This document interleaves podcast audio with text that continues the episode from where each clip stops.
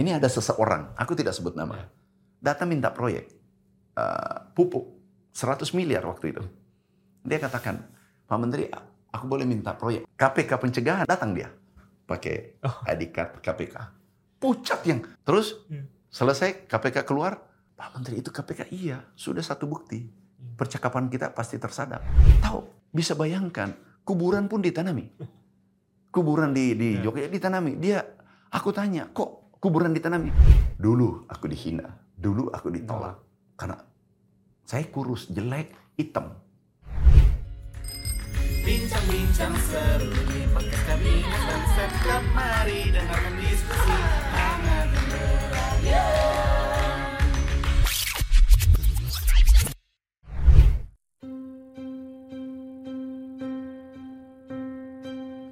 Bintang tamu podcast kali ini adalah salah satu menteri di Kabinet Indonesia Maju yang juga merupakan seorang akademisi dan pengusaha sukses.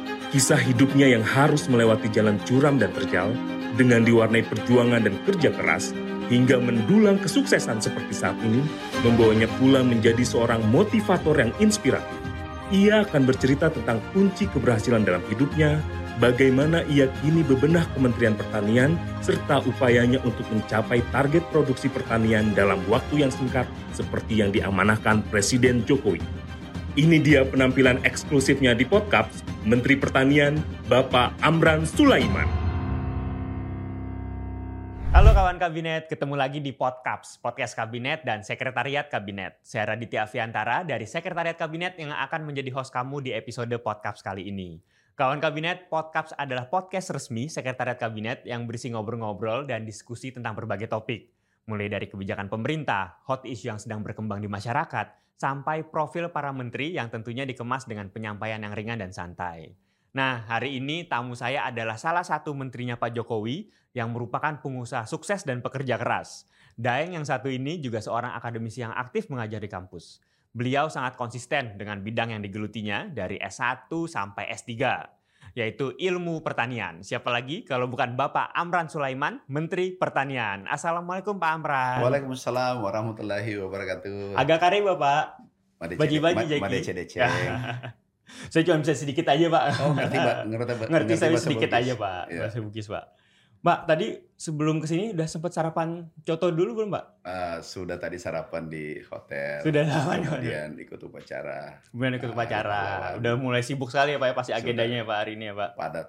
Ya. Sembilan hari rasa satu tahun. Sembilan hari rasa satu tahun. nah Pak sebelum kita mulai saya ada beberapa artikel nih Pak tentang Bapak Amran. Kita lihat ya Pak satu-satu, Bapak nanti langsung tanggapi aja Pak. Iya. Artikel yang pertama nih, kiat sukses dari mentan Amran Sulaiman. Muliakan orang tua dan jangan hobi ngaret. Ini dua kunci sukses versi Pak Amran ya Pak ya. Iya. Bagaimana sih Pak cara memuliakan Jadi, orang tua? Eh, itu mungkin didikan orang tua ya. Iya. Kalau mau sukses, muliakan orang tua. Eh, terutama ibu, ibu, Iya. bapak. Eh, dan beliau selalu berpesan eh, kepada saya, kalau mau sukses, pertama jujur, Iya. disiplin, kerja keras, kemudian harus berbaik sangka kepada orang. Nah, terakhir kita berdoa. Tetapi yang terpenting adalah muliakan kedua orang tuamu, terutama ibu. Jangan pernah uh, menggores hati ibumu kalau mau sukses. Nah, kalau sempat menggores hati ibumu, atau sampai seorang ibu meneteskan air mata, itu cahaya dunia uh, tidak akan muncul. Sulit kita gapai sukses. Yang saya tahu, Harus berbakti terus kepada kedua orang tua ya Pak ya, terutama eh, ibu. ke ibu ya Pak. Iya. Bapak keluarga kan saya dengar 12 bersaudara ya Pak ya. Bagaimana sih Pak kedekatan Pak Amran dengan keluarga Pak? Eh, saya 12 orang bersaudara. Eh, kemudian saya anak ketiga dan eh, lahir di desa yang kecil ini. Yang paling yang sebelah kanan ini adalah saya. Kemudian dekat saya itu adalah mantan gubernur Sulawesi Selatan. Eh, ini saya bersaudara, bukan tenaga kerja nih. Ini saudara saya semua. Eh, inilah kehidupan di desa, eh, tinggal di rumah eh, kayu eh, selama bertahun-tahun. Hmm. Di saat itu saya katakan kalau miskin itu ternyata sulit ya. Saya camkan waktu itu, saya katakan, aku lahir miskin, bahkan sering dihina, tapi jangan sampai aku nanti dikubur dalam dalam keadaan hina dan miskin pula saat itu. Mungkin eh, saya berapa sampai SMA tinggal di desa. Ini adalah desa yang termiskin di Sulawesi Selatan di kaki gunung. Di kaki gunung. Ya, Oh, boleh diceritakan ini lagi sedang apa pak berdua belas? Oh, ini buat-? Buat racun, racun tikus. Oh racun tikus. Namanya tiran. Tiran. Iya, tikus diracun oleh Amran. Tikus diracun oleh Nah, apa ini nih? hasil penemuan. bapak Hasil sendiri pak penemuan. Iya, jadi racun tikus membawa nikmat untuk pertanian di di Indonesia. di Indonesia. Ini digunakan sampai eh, Jepang gunakan eh, dulu diekspor ke beberapa negara.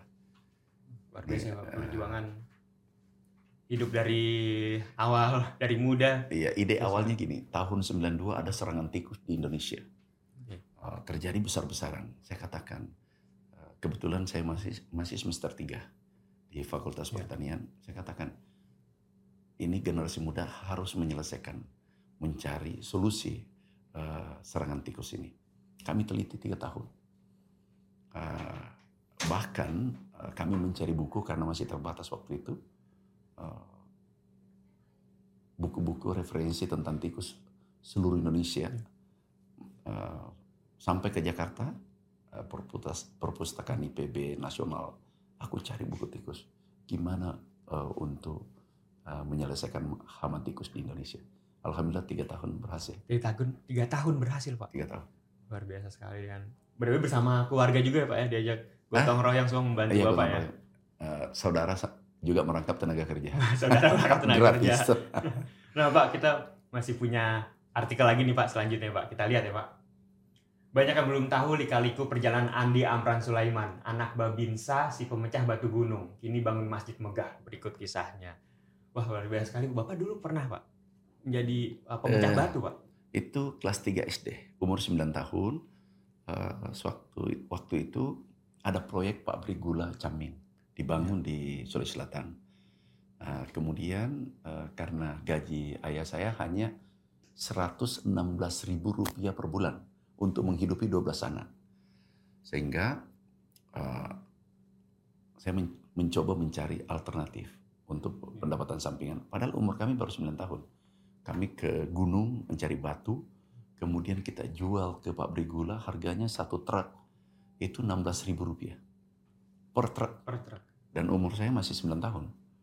Ah, Alhamdulillah kami dapat beberapa truk, kami ah, ah, bisa bayar SPP, beli beli baju, beli sepatu pada saat itu. Berarti hasil Kami- dari Dari hasil penjualan hasil batu, penjualan batu itu Pak. penjualan batu. Untuk keluarga juga. untuk keluar saya wak- waktu itu mungkin tiga empat orang bersaudara Eh, saya kan anak ketiga Ya. yang tertua nomor dua nomor tiga nomor empat kita pergi cari eh, batu gunung kemudian jual ke proyek. Nah itulah mungkin ya menggembleng eh, sehingga saya bisa ketemu bapak. Kenapa? Eh, pelaut ulung lahir di ombak besar bukan di kolam renang. Kalau mau sukses kita harus uh, uh, melatih diri kita. Uh, kita keluar dari comfort zone zona nyaman keluar jangan uh, kalau orang berada di zona nyaman itu jebakan. Uh, itu uh, bisa jadi uh, ke depan hidupnya uh, kurang beruntung saya selalu katakan sama generasi muda genera- generasi milenial- milenial kalau mau sukses anda harus mempersiapkan diri 15 tahun, 10 tahun. Kemudian nanti kebahagiaan akan menjemputmu. Tapi kalau Anda bermain-main di usia produktif, itu penderitaan akan menjemputmu. Hanya dua pilihan. Mau berjuang atau mau pasif. Nah, saya sering katakan, saat ini yang generasi milenial, uh, uh, kalau bisa keluarkan air matamu. Karena air mata itu air mata perjuangan. Kemudian kalau Anda tidak mengeluarkan air matamu hari ini, akan dijemput oleh air mata penyesalan. dan penyesalannya bisa sampai liang lahat.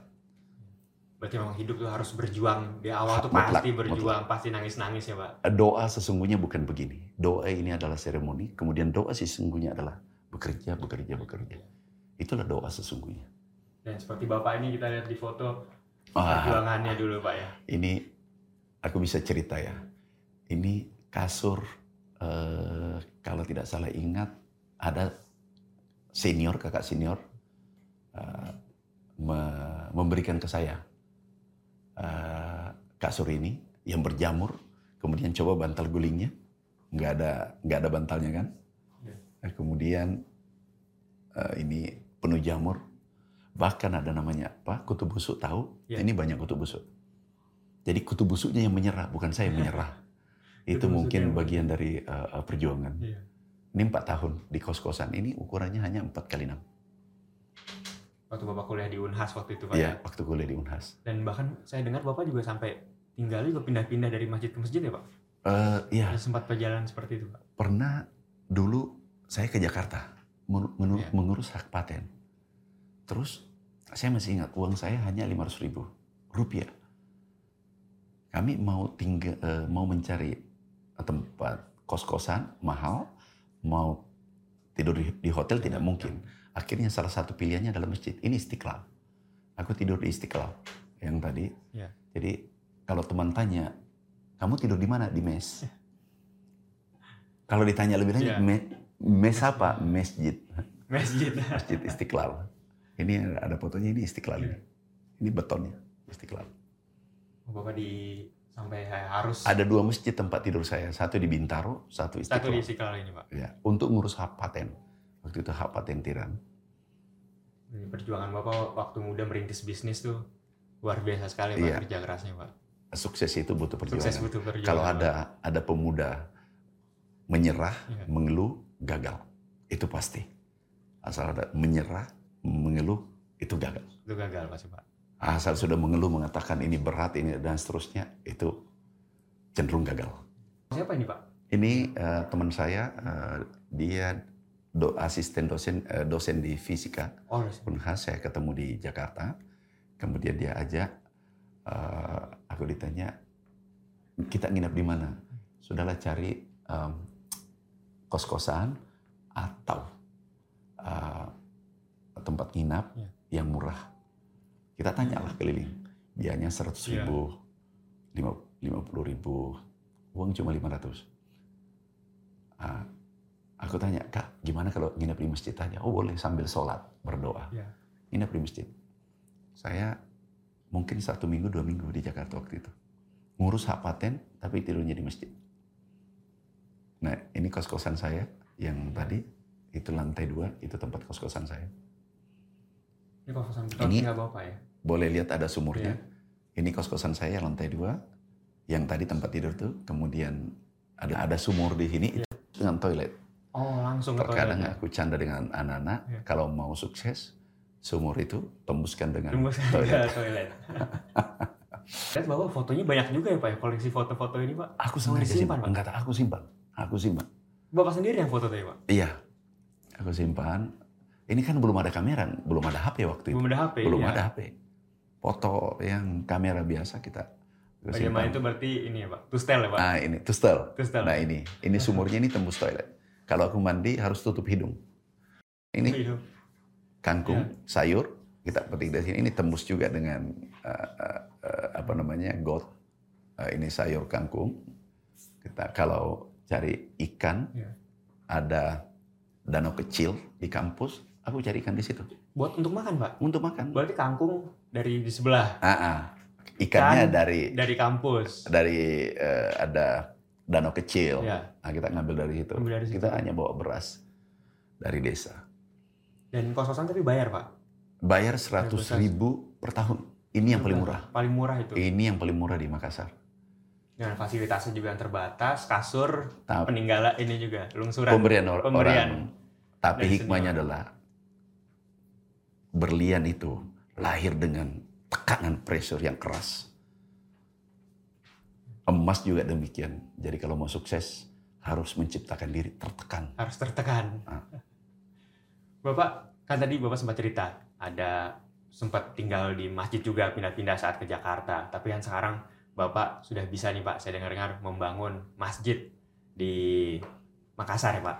Oh iya, Baru groundbreaking berarti Pak. ya? iya dengan Pak Pak oleh Pak Wapres. Kita lihat dulu sedikit videonya ya Pak ya. Masjidnya seperti apa yang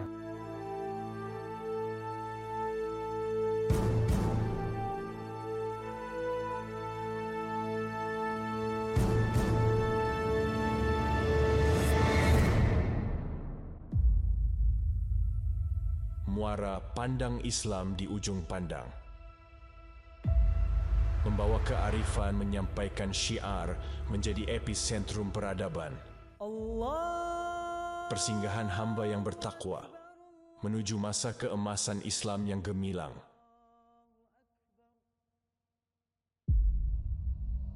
Masjid Haja Andi Nur Hadi. Bentuk masa utama merepresentasikan dari bentuk kapal finisi sebagai apresiasi terhadap kebanggaan masyarakat suku Makassar, suku Bugis yang terkenal dengan pelaut ulung dan finisi yang terkenal dengan kegagahannya dan ketangguhannya mengarungi samudera luas. Juga inspirasi yang tersentuh dari Masjid Istiqlal yang merupakan Masjid Agung Republik Indonesia. Masjid yang kelak akan menjadi pusat peradaban Islam di Indonesia Timur ini dipersembahkan kepada kedua orang tua sang inisiator masjid, Dr. Insinyur Haji Andi Amran Sulaiman, MP. luar biasa sekali ya Pak. ya. Desain masjidnya seperti kapal pinisi ya Pak ya. Iya, Dan ini untuk dedikasikan kepada kedua orang tua Pak. iya. Jadi dulu aku nginap di Masjid Istiqlal. Begitu indah. Tidur, bangun sholat, dan seterusnya. Saya katakan, ya Allah, kalau aku diberi rezeki, aku ingin bangun uh, uh, rumahmu seperti ini. uh, yang megah.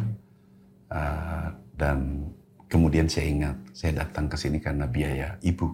Itu pun uang dipinjam. Aku 500 ribu rupiah itu dipinjam dari uh, tante saya. Kemudian jual sapi. Saya katakan, ya Allah, uh, aku ingin uh, berbuat terbaik untuk kedua orang tuaku.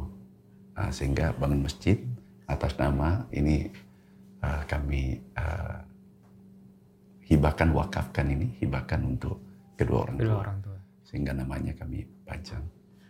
Dan Ini- tadi ini masjidnya ti- tidak hanya menjadi tempat ibadah tapi akan menjadi peradaban Islam di Indonesia Timur ya Pak. Eh, insya Allah. Jadi masjid yang kami bangunkan eh, ini muat jamaah 20 ribu. 20 ribu. 20 ribu Luas jamaah. Kami ingin ini tempat eh, hafiz Al-Quran, eh, me- melatih karakter generasi muda. Jadi otaknya cerdas tapi dia berkarakter, dia jujur.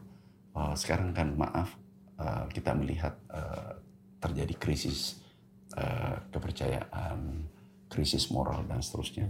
Nah kami bangun ini untuk melatih generasi muda, melatih generasi milenial yang akan datang. Kemudian nanti ada SD, SMP, SMA dan perguruan tinggi internasional. Nah ini satu kesatuan nantinya. Setelah uh, uh, masjid jadi selesai, kami juga ingin bangun rumah sakit internasional. Coba bayangkan uh, saudara-saudara kita yang berobat ke luar negeri Ya. itu serat uh, 1,5 juta sampai 2 juta per tahun. Nah, devisa kita yang uh, uh, dibelanjakan itu kurang lebih 165 triliun per tahun. Nah, kenapa bukan kita? Iya. Dokter-dokter kita hebat. Saya mencoba membangun rumah sakit internasional, kemudian rumah sakit yang megah, Iya. dan ini uh, uh, semacam uh, community baru Iya. uh, yang mimpi kami adalah mencetak generasi muda yang tangguh, uh, bermoral, uh, berkarakter. Jadi bisa dia jadi pengusaha. Ya. Nanti kita cetak. Uh, kemudian menjadi uh, uh, legislatif, Ya. eksekutif, yudikatif, tapi berkarakter. Bisa diteladani. Alumni-alumni di sini nanti bisa diteladani. Nah, sehingga memulai dari masjid. Moralnya sudah bagus, otaknya, Ya. karakternya. Karakternya ya disiplin, jujur. Karena pintar tidak cukup. Cerdas dan berkarakter. Pintar. Mau mau mau uh, mengambil risiko. Kalau hanya pintar, gagasan besar tanpa action Hasilnya nol. Banyak orang punya visi misi indah. Indah di telinga, tidak indah di kenyataan. Jadi gagasannya bagus, tapi actionnya tidak Iya. ada. Kalau hanya bernarasi, narasi yang indah, itu tidak bisa dinikmati penduduk Indonesia. Jadi the power of action. Gagasan sudah ada, kita action. Action ini harus persisten. Action tidak cukup. Ada orang action, tapi tidak mampu bertahan dalam kesulitan. Nah ini harus persisten. Konsistensi itu yang sulit. Konsistensi, kalau sudah konsisten, ini menjadi habit. Sudah terbiasa, ujungnya sukses. Generasi seperti inilah yang kita ingin uh, uh, bangun. Kita persiapkan dari sekarang. Jangan kita ego. Sama tadi ya Pak, dengan karakter itu Pak yang sangat menentukan ya Pak. Sangat. Dan tadi kita sudah lihat sedikit karakter Pak Amran yang sangat luar biasa sekali Pak perjuangannya dari awal dan bahkan sekarang bisa menjadi Menteri Pertanian ya Pak. Kita lihat ya Pak, Arti- artikel yang ketiga, kita lihat ya Pak. Menteri Segudang Prestasi Amran Sulaiman berbenah kejar target peningkatan produksi. Nah ini Pak, menjadi Menteri Pertanian yang untuk periode kedua Pak. Udah seperti CLBK aja ya Pak ya. Jabatan baru rasa lama nih Pak. Ya. Berbenahnya apa nih Pak kira-kira Pak, yang mau dilakukan di periode ini? Jadi Pak? gini Pak, kadang uh, ada slogan saya terbalik-balik, beda dengan orang. Ada orang mengatakan, meningkatkan produksi tidak semudah membalikan telapak tangan. Kalau aku balik, meningkatkan produksi semudah membalikan telapak tangan. Dari pesan itu saja, mindset kita sudah berubah. Rubah dulu mindset kita. Kalau mindset kita miskin, gagal, pasti gagal. Tapi mindset kita optimis, insya Allah pasti berhasil. Nah, kita cerita masalah pertanian. Kita sudah pernah swasembada. 2017, nggak ada impor beras medium. Ya. 2019, nggak ada impor beras medium. 2020, nggak ada. Dan yang melakukan adalah kita. Katakan ada El Nino. Dulu ada El Nino. Tekanannya lebih besar di 2015. Tapi bisa kita mitigasi eh, eh, eh, eh, kekurangan eh, pangan lebih awal. Memitigasi seluruh risiko.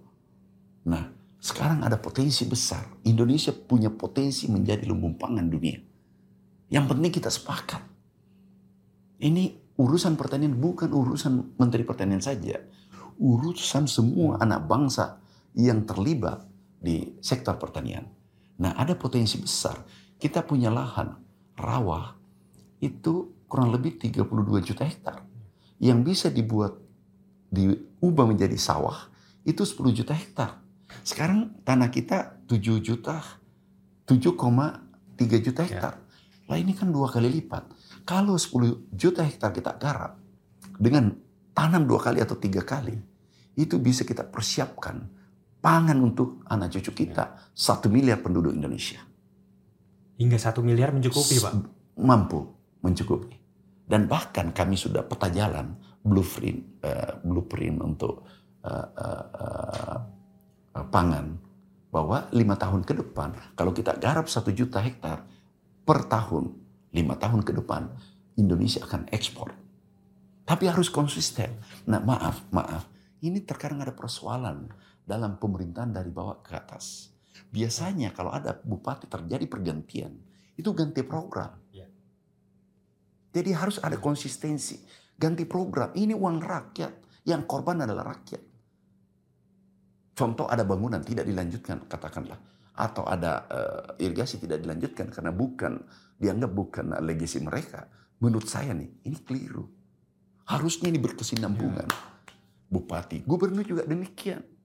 Bahkan terjadi tidak jarang terjadi konflik antara pejabat lama dengan pejabat baru. Dan itu dibawa ke program. Program pembangunan. Ini jangan dilanjutkan. Kenapa? Itu gubernur sebelumnya. Nah begitu juga pertanian. Kami gagas pertanian pada saat pertama kami masuk. Pertanian tradisional kami transformasi menjadi pertanian modern. Ya. Kita tidak akan bisa bersaing negara lain. Kalau bukan pertanian mo- modern. Di era sekarang. Libatkan generasi milenial. Masuk mereka. Pertanian mudah. Petani itu mudah. Beri dia untung. Pasti Pasti. Swasembada. Ya. Beri ruang dia untung pasti swasembada. Siapkan pupuk cukup pasti swasembada. Mudah, petani mudah. Dia hitung-hitungan. Aku Ya. untung, saya berproduksi. Tapi yang menarik tadi Pak, yang Bapak sampaikan bahwa kan eh, ya dari kita ada lahan bisa mencukupi pupuk pasti bisa diproduksi oleh Oke. BUMN bisa, oleh pemerintah pasti bisa gitu kan Pak. Benih juga bisa. Iya. Namun kan ada faktor manusianya nih Pak. Yang Iya. tadi Bapak sampaikan petani milenial ini. Bagaimana sih Pak menarik untuk petani milenial untuk mau masuk Gini, kami sudah eh, diskusi dengan Menteri Pendidikan. Ada program Merdeka Belajar. Ya. Saya katakan Pak Menteri, ayo kita gandengan tangan. Ini merah putih satu, bendera kita satu. Ayo kita kolaborasi. Terus gimana caranya? Gunakan teknologi literasi digital sekarang ini dengan era digital. Gunakan itu. Kami sudah gunakan sekarang. Jadi memupuk menggunakan drone kemudian panen, kemudian eh, eh, produksi, semua menggunakan mekanisasi.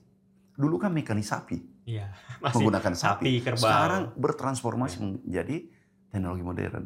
Nah, kalau menggunakan teknologi, biaya produksi turun 60%. Oke? Produktivitas bisa dua kali lipat. Iya. Losisnya yang 10%, 10,2% kita bisa ambil. Artinya ini menguntungkan. Manakala mengu- menguntungkan dan tidak perlu turun sawah, kena lumpur, pasti petani milenial mau. Nah, dulu aku gagas gerakan pemuda tani Indonesia, Gempita. Aku gerakan, itu ada 2 juta terlibat. Ayo kita, tapi kita beri teknologi. Nih, anak muda, gunakan ini teknologi. Di mupuk pakai drone, kemudian panen pakai peralatan, Ya. semua eh, pertanian modern.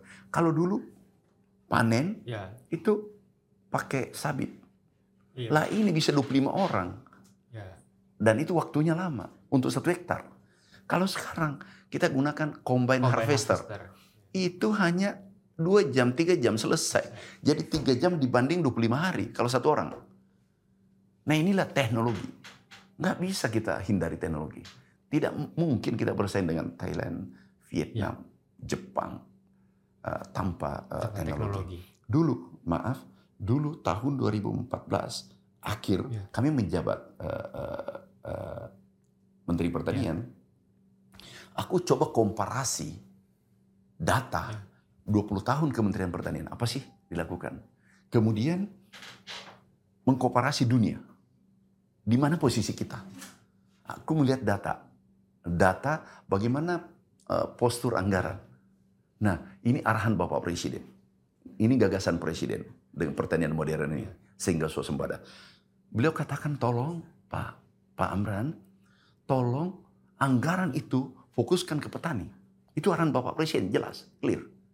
Dulunya anggaran itu 70% untuk seminar, untuk buat buku kunjungan, studi banding dan seterusnya. Aku balik. Perintah Presiden 70% ke petani beli pupuk, beli benih unggul, beli beli Ya. eh, traktor, alat mesin pertanian digunakan petani. Itu yang menentukan produksi. Oke, kemudian 30% biaya seminar, lain-lain segala macam 30%. Selama 20 tahun ini terbalik. Nah, ini kebijakan yang kita ambil eh, eh, eh, harus pro kepada petani. Kalau tidak nggak mungkin. Satu lagi ada yang menarik. Ini eh, eh, Kepres kami rubah dan presiden luar biasa. Presiden kita luar biasa. Satu hari langsung beliau rubah. Apa yang diubah? Dulu kita impor jagung. Ya. Tahun kita langsung swasembada. Bagaimana Kenapa? caranya, Pak? Kita menentukan harga terendah. Floor price untuk jagung 3.150. Petani rame-rame produksi. Tahu? Bisa bayangkan, kuburan pun ditanami. Kuburan di, di Ya. Jogja ditanami. Dia, aku tanya, kok kuburan ditanami? Aku sudah izin. Ya nenekku, aku tanami kuburanmu karena harga jagung lagi membaik. Nah ini, coba kita lihat gambarnya. Ya. Ini yang terjadi. Bayangkan kuburan ditanami Ditanamin jagung. yang tidak punya ada Lampung pinggir jalan. Kalau di Sumatera itu di bawah pohon sawit. Ya. Dulunya panen rumput. Setelah ada kebijakan yang tepat dari Bapak Presiden, itu panennya jagung, tanam jagung. Jadi panen sawit juga panen jagung di bawahnya. Luar biasa kan? Iya. itu harus ada kebijakan-kebijakan eh, terobosan. terobosan harus kreatif ya pak. harus Kebijakan. kreatif. yang bisa membuat lompatan adalah inovasi baru, ide baru, dan berani mengambil uh, tindakan. Kemudian yang di Sumatera, di Sumatera di bawah pohon kelapa sawit itu yang ditanami adalah jagung. Kebijakan yang tepat itu dahsyat untuk produksi. Bukan bukan uang segalanya, bukan APBN segalanya, tetapi kebijakan yang tepat adalah itu bisa meningkatkan produksi yang luar biasa. Dulu kalau panen puncak harga jatuh. Kenapa harga jatuh? Ada impor masuk. Saya pernah dibully, sering kali dibully. Ada impor, sudah hampir sandar di Jawa Barat, eh sorry, Jawa Timur. Aku katakan jangan. Kembalikan impor itu. Itu kalau tidak salah ada empat kapal waktu itu. Kembalikan. Karena lagi panen puncak. Itu kalau panen puncak terus impor, ini membunuh petani kita secara tidak langsung. Bayangkan 20 juta petani, petani uh, jagung, padi kita yang kena dampak kalau mengimpor pada saat panen puncak. Dari harga 3000 harusnya tiba-tiba jatuh, itu menjadi 1000. Itu kerugian petani kita. Pernah saya hitung itu 40 triliun seketika. Nah ini yang kita harus jaga semua. Jadi mulai dari kebijakan, kami uh, uh, sangat uh, uh, uh, Bapak Presiden luar biasa. Ya. Kalau kepentingan petani, beliau langsung setuju. Kemarin ada pupuk uh, akan ditambahkan pupuk dengan bibit, Presiden langsung setuju. Yang penting terarah. Yang penting petani betul-betul menikmati. Kalau untuk terkait dengan harga ini Pak, kan agak sensitif juga sebetulnya Pak karena di tingkat petani mungkin mereka senang dengan harga yang naik pak. Ya. Tapi nanti pas sudah di tingkat konsumen kan pasti akan meningkat juga nih harganya. Bagaimana sih pak menjaga keseimbangan agar petani senang tapi konsumen masyarakat juga tetap tenang nih pak dengan nah, harga. Gini, untuk menjaga petani, yang pertama untuk menjaga kan hasil akhir yang uh, hasil penjualan terakhir yang kita hitung. Untuk menjaga petani adalah yang pertama adalah berikan bibit unggul. Ya. Produktivitasnya tinggi, bisa naik 20%. Kemudian planting index, tanam ya. satu kali menjadi dua kali. Berarti bisa dua kali pendapatan kan? Naik kan? Ya. Produktivitas sudah naik. Kemudian tanam. Kemudian kita menggunakan alat mesin pertanian. Alat mesin ini menekan biaya produksi 40 sampai 60 persen. Berarti Jauh, sudah empat pendapatannya. Ya. Oke. Okay? Nah, setelah itu kita menyiapkan dia hilirisasi. Dia kita membangun ini arahan Bapak Presiden, kooperasi dikorporasikan sehingga petani menjadi pengusaha besar. Kemudian ini distribusi, kemudian ya. masuk ke bulog. Bulog ini menjadi badan pangan ya. ini menjadi stabilisator. Jadi petaninya untung, tapi konsumennya juga iya. tersenyum. Pemerintah berada di tengah. Nah, jadi ini yang tadi empat poin ya. ini kita lakukan. Petaninya pasti sejahtera pupuknya tepat ya. waktu, bibitnya tepat waktu dan seterusnya. Nah, sehingga ini perlu kita kolaborasi untuk uh, uh, pangan kita. Ini nggak bisa. Dengan target peningkatan produktivitas ini, Pak, tapi kan periode Bapak nih hanya kurang dari satu tahun nih, Pak. Iya. Optimis, ya. Pak, akan berhasil meningkatkan Kita letakkan pondasinya, minimal satu. Jadi kita sistemnya kita bangun. Dua, mungkin 200 hari lebih ya, ya. efektif. Kita bangun sistemnya. Kemudian menteri selanjutnya ini harus dilanjutkan karena sudah terbukti bahwa ini swasembada. Ya. Iya kan? Sudah ada evidence, sudah ada bukti. Oh ini swasembada. Lanjutkan dong. Jangan melihat saya. Ya. Siapa menteri sebelumnya? Jangan melihat. Nah inilah yang harus kita maaf. Ini harus kita perbaiki. Bahwa mulai kepala desa, bupati, gubernur, manakala serah terima, ya. betul-betul ini pembangunan berkelanjutan, tidak putus. Ya. Tidak merawat dendam di dalamnya. Sehingga ini produksi pembangunan berkelanjutan. Sederhana kan? Ya. Jadi menteri kan tidak pernah terganti. Yang terganti orangnya. Ya. Programnya harus lanjut. Yang baik kita lanjutkan. Kalau kita hentikan, kita mulai ini sama dengan poco-poco. Dua kali maju, dua kali mundur. Nantinya. Kalau pembangunan setiap Eh, pergantian pemerintah ganti kebijakan ganti kebijakan ah ini ya. ini jangan kita budayakan seperti ini selain tadi pak banyak hal tantangannya tentunya tapi apa pak menurut pak Amran nih tantangan pertanian Indonesia khususnya dari untuk Kementerian Pertanian nih pak untuk ke depannya pak tidak semua orang ingin pertanian maju dan negara lain pasti tidak senang karena kita adalah pasar besar Jadi Sehingga di dalamnya biasanya ada mafia. Oh. Tapi insya Allah uh, dulu dulu kalau tidak salah kalau tidak salah ingat itu 400 di penjara. Nggak ada kompromi. Jangan menyakiti petani karena kami petani, kami bertani, kami anak petani, kami Ya. PPL sehingga kami mampu merasakan apa yang dirasakan petani Indonesia. Saya katakan aku pilih saya berkorban daripada saya korbankan petani. Nah, biasa tantangannya adalah mafia, yang Mafia, bermain, betul. mafia bidang pupuk, mafia macam-macam. Nah, saat Bapak baru dilantik kemarin, saya dengar Bapak salah satu programnya adalah menempatkan nih Pak pegawai KPK untuk berkantor di Kementerian Pertanian nih Pak. Seperti apa sih Pak penerapannya Pak? Eh, gini, Progresnya bagaimana Pak? dulu lima tahun KPK ada pencegahan Ya. berkantor di, di kantor kami. Hmm. Kami sudah diskusi KPK, kami sudah diskusi, insya Allah akan ditempatkan lagi. Kalau ada KPK, secara psikologi, staf saya tidak ada yang berani main-main. Kemudian tamu-tamu minta proyek pasti nggak berani datang. Ada menarik, ada menarik dulu. Iya. Ini ada seseorang, aku tidak sebut nama. Ya. Datang minta proyek eh, pupuk 100 miliar waktu itu. Dia katakan, Pak Menteri, aku boleh minta proyek? Oh boleh. Di sini ada ada proyek 35 triliun bukan 100 miliar. Iya. Terus gimana Pak Menteri? Aku cerita. Kemudian KPK pencegahan kan di sebelah kamar saya. Aku tombol. Datang dia pakai ID card KPK. Pucat yang, Pak, ini ada apa?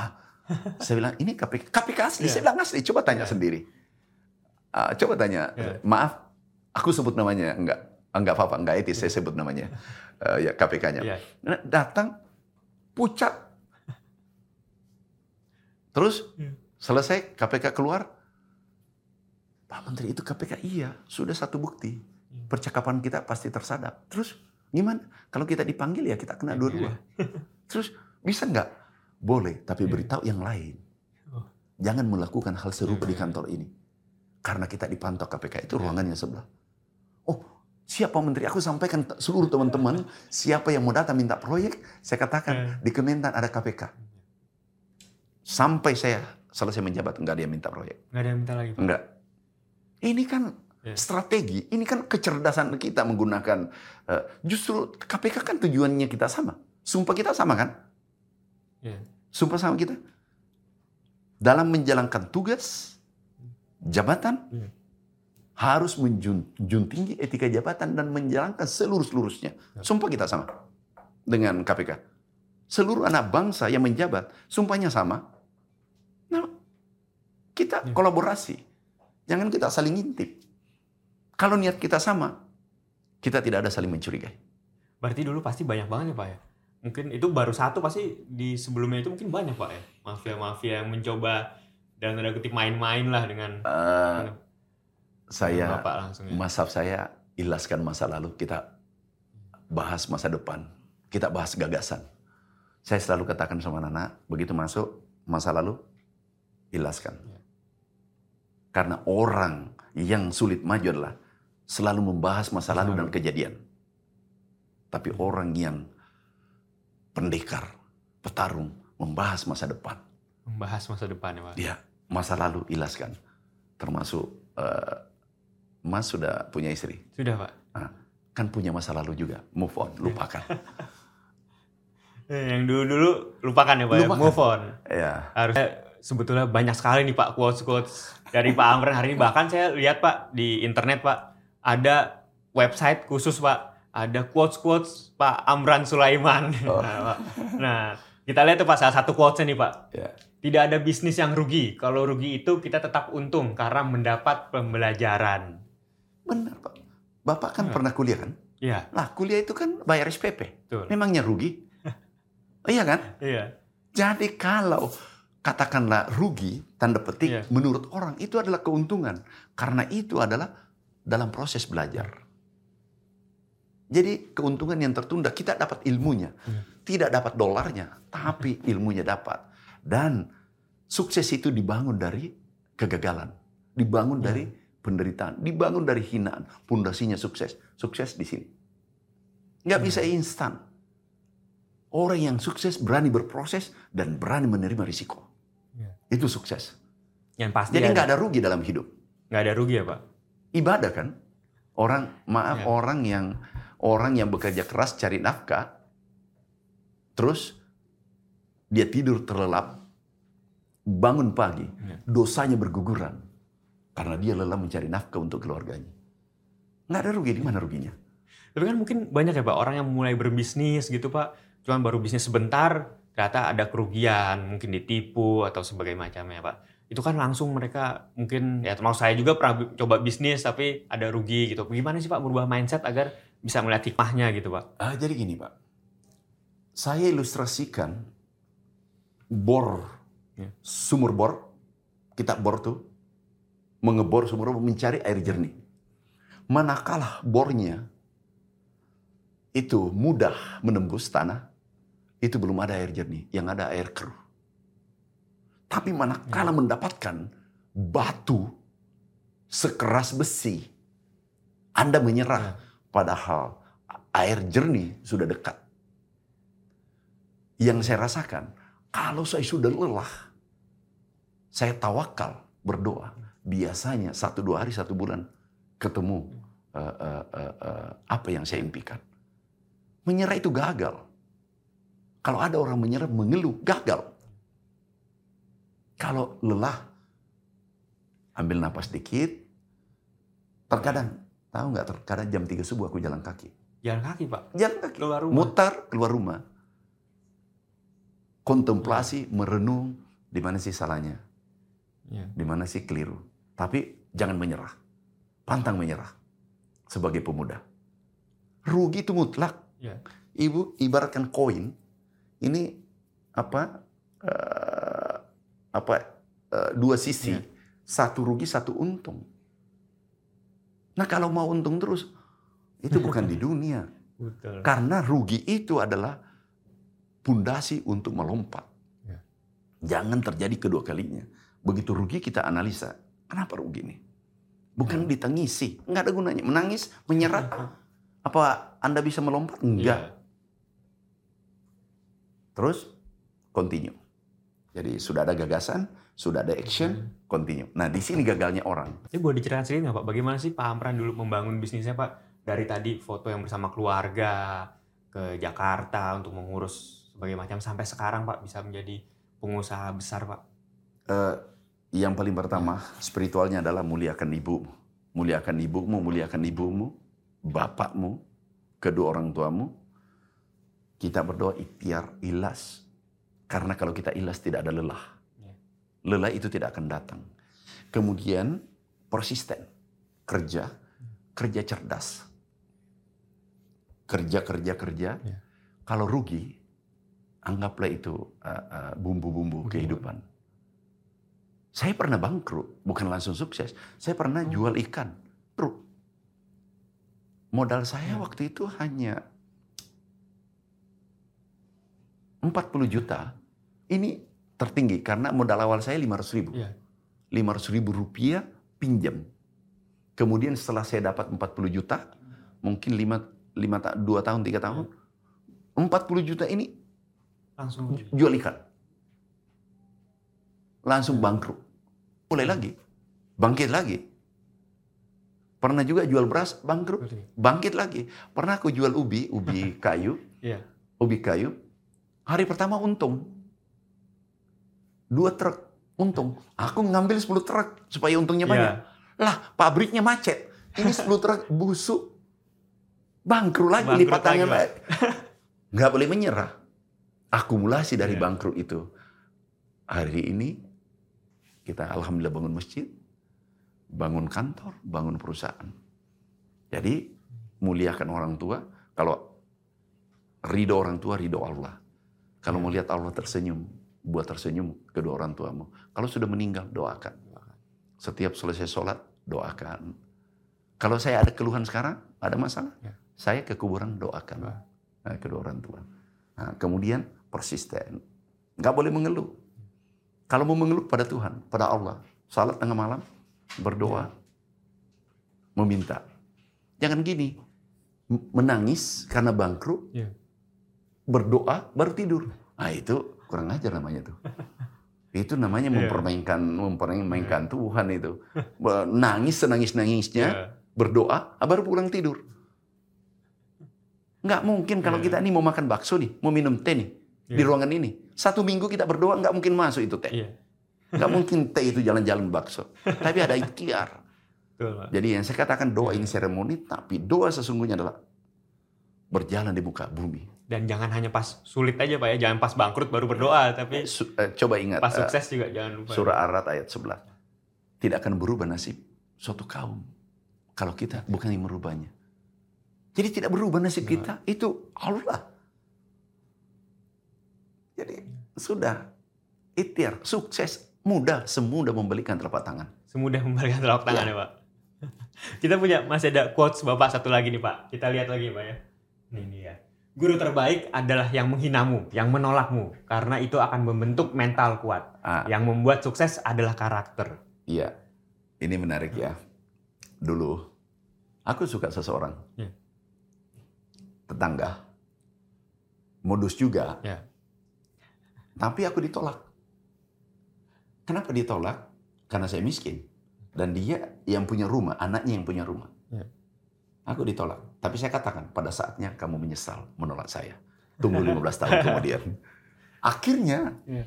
suatu ketika, dilantik menteri 2014 Ya. Oktober ya, 20 temuan alumni, ada 4.000 datang. Ya.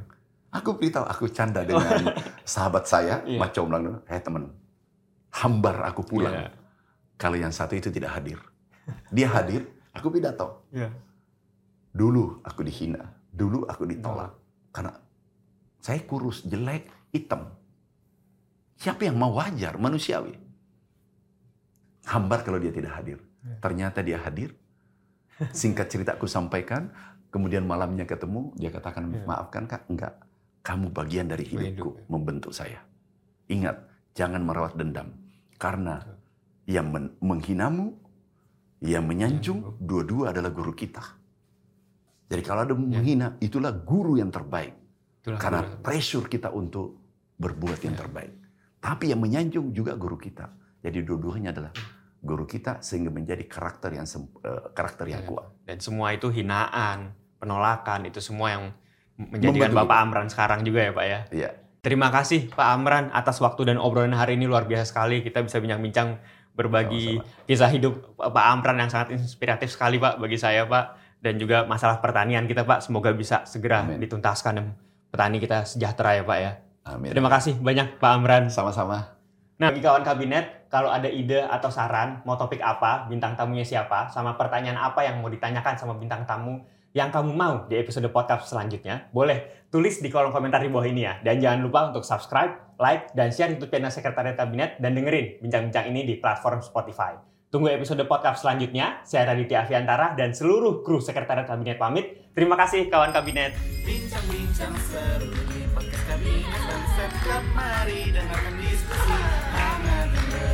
yeah.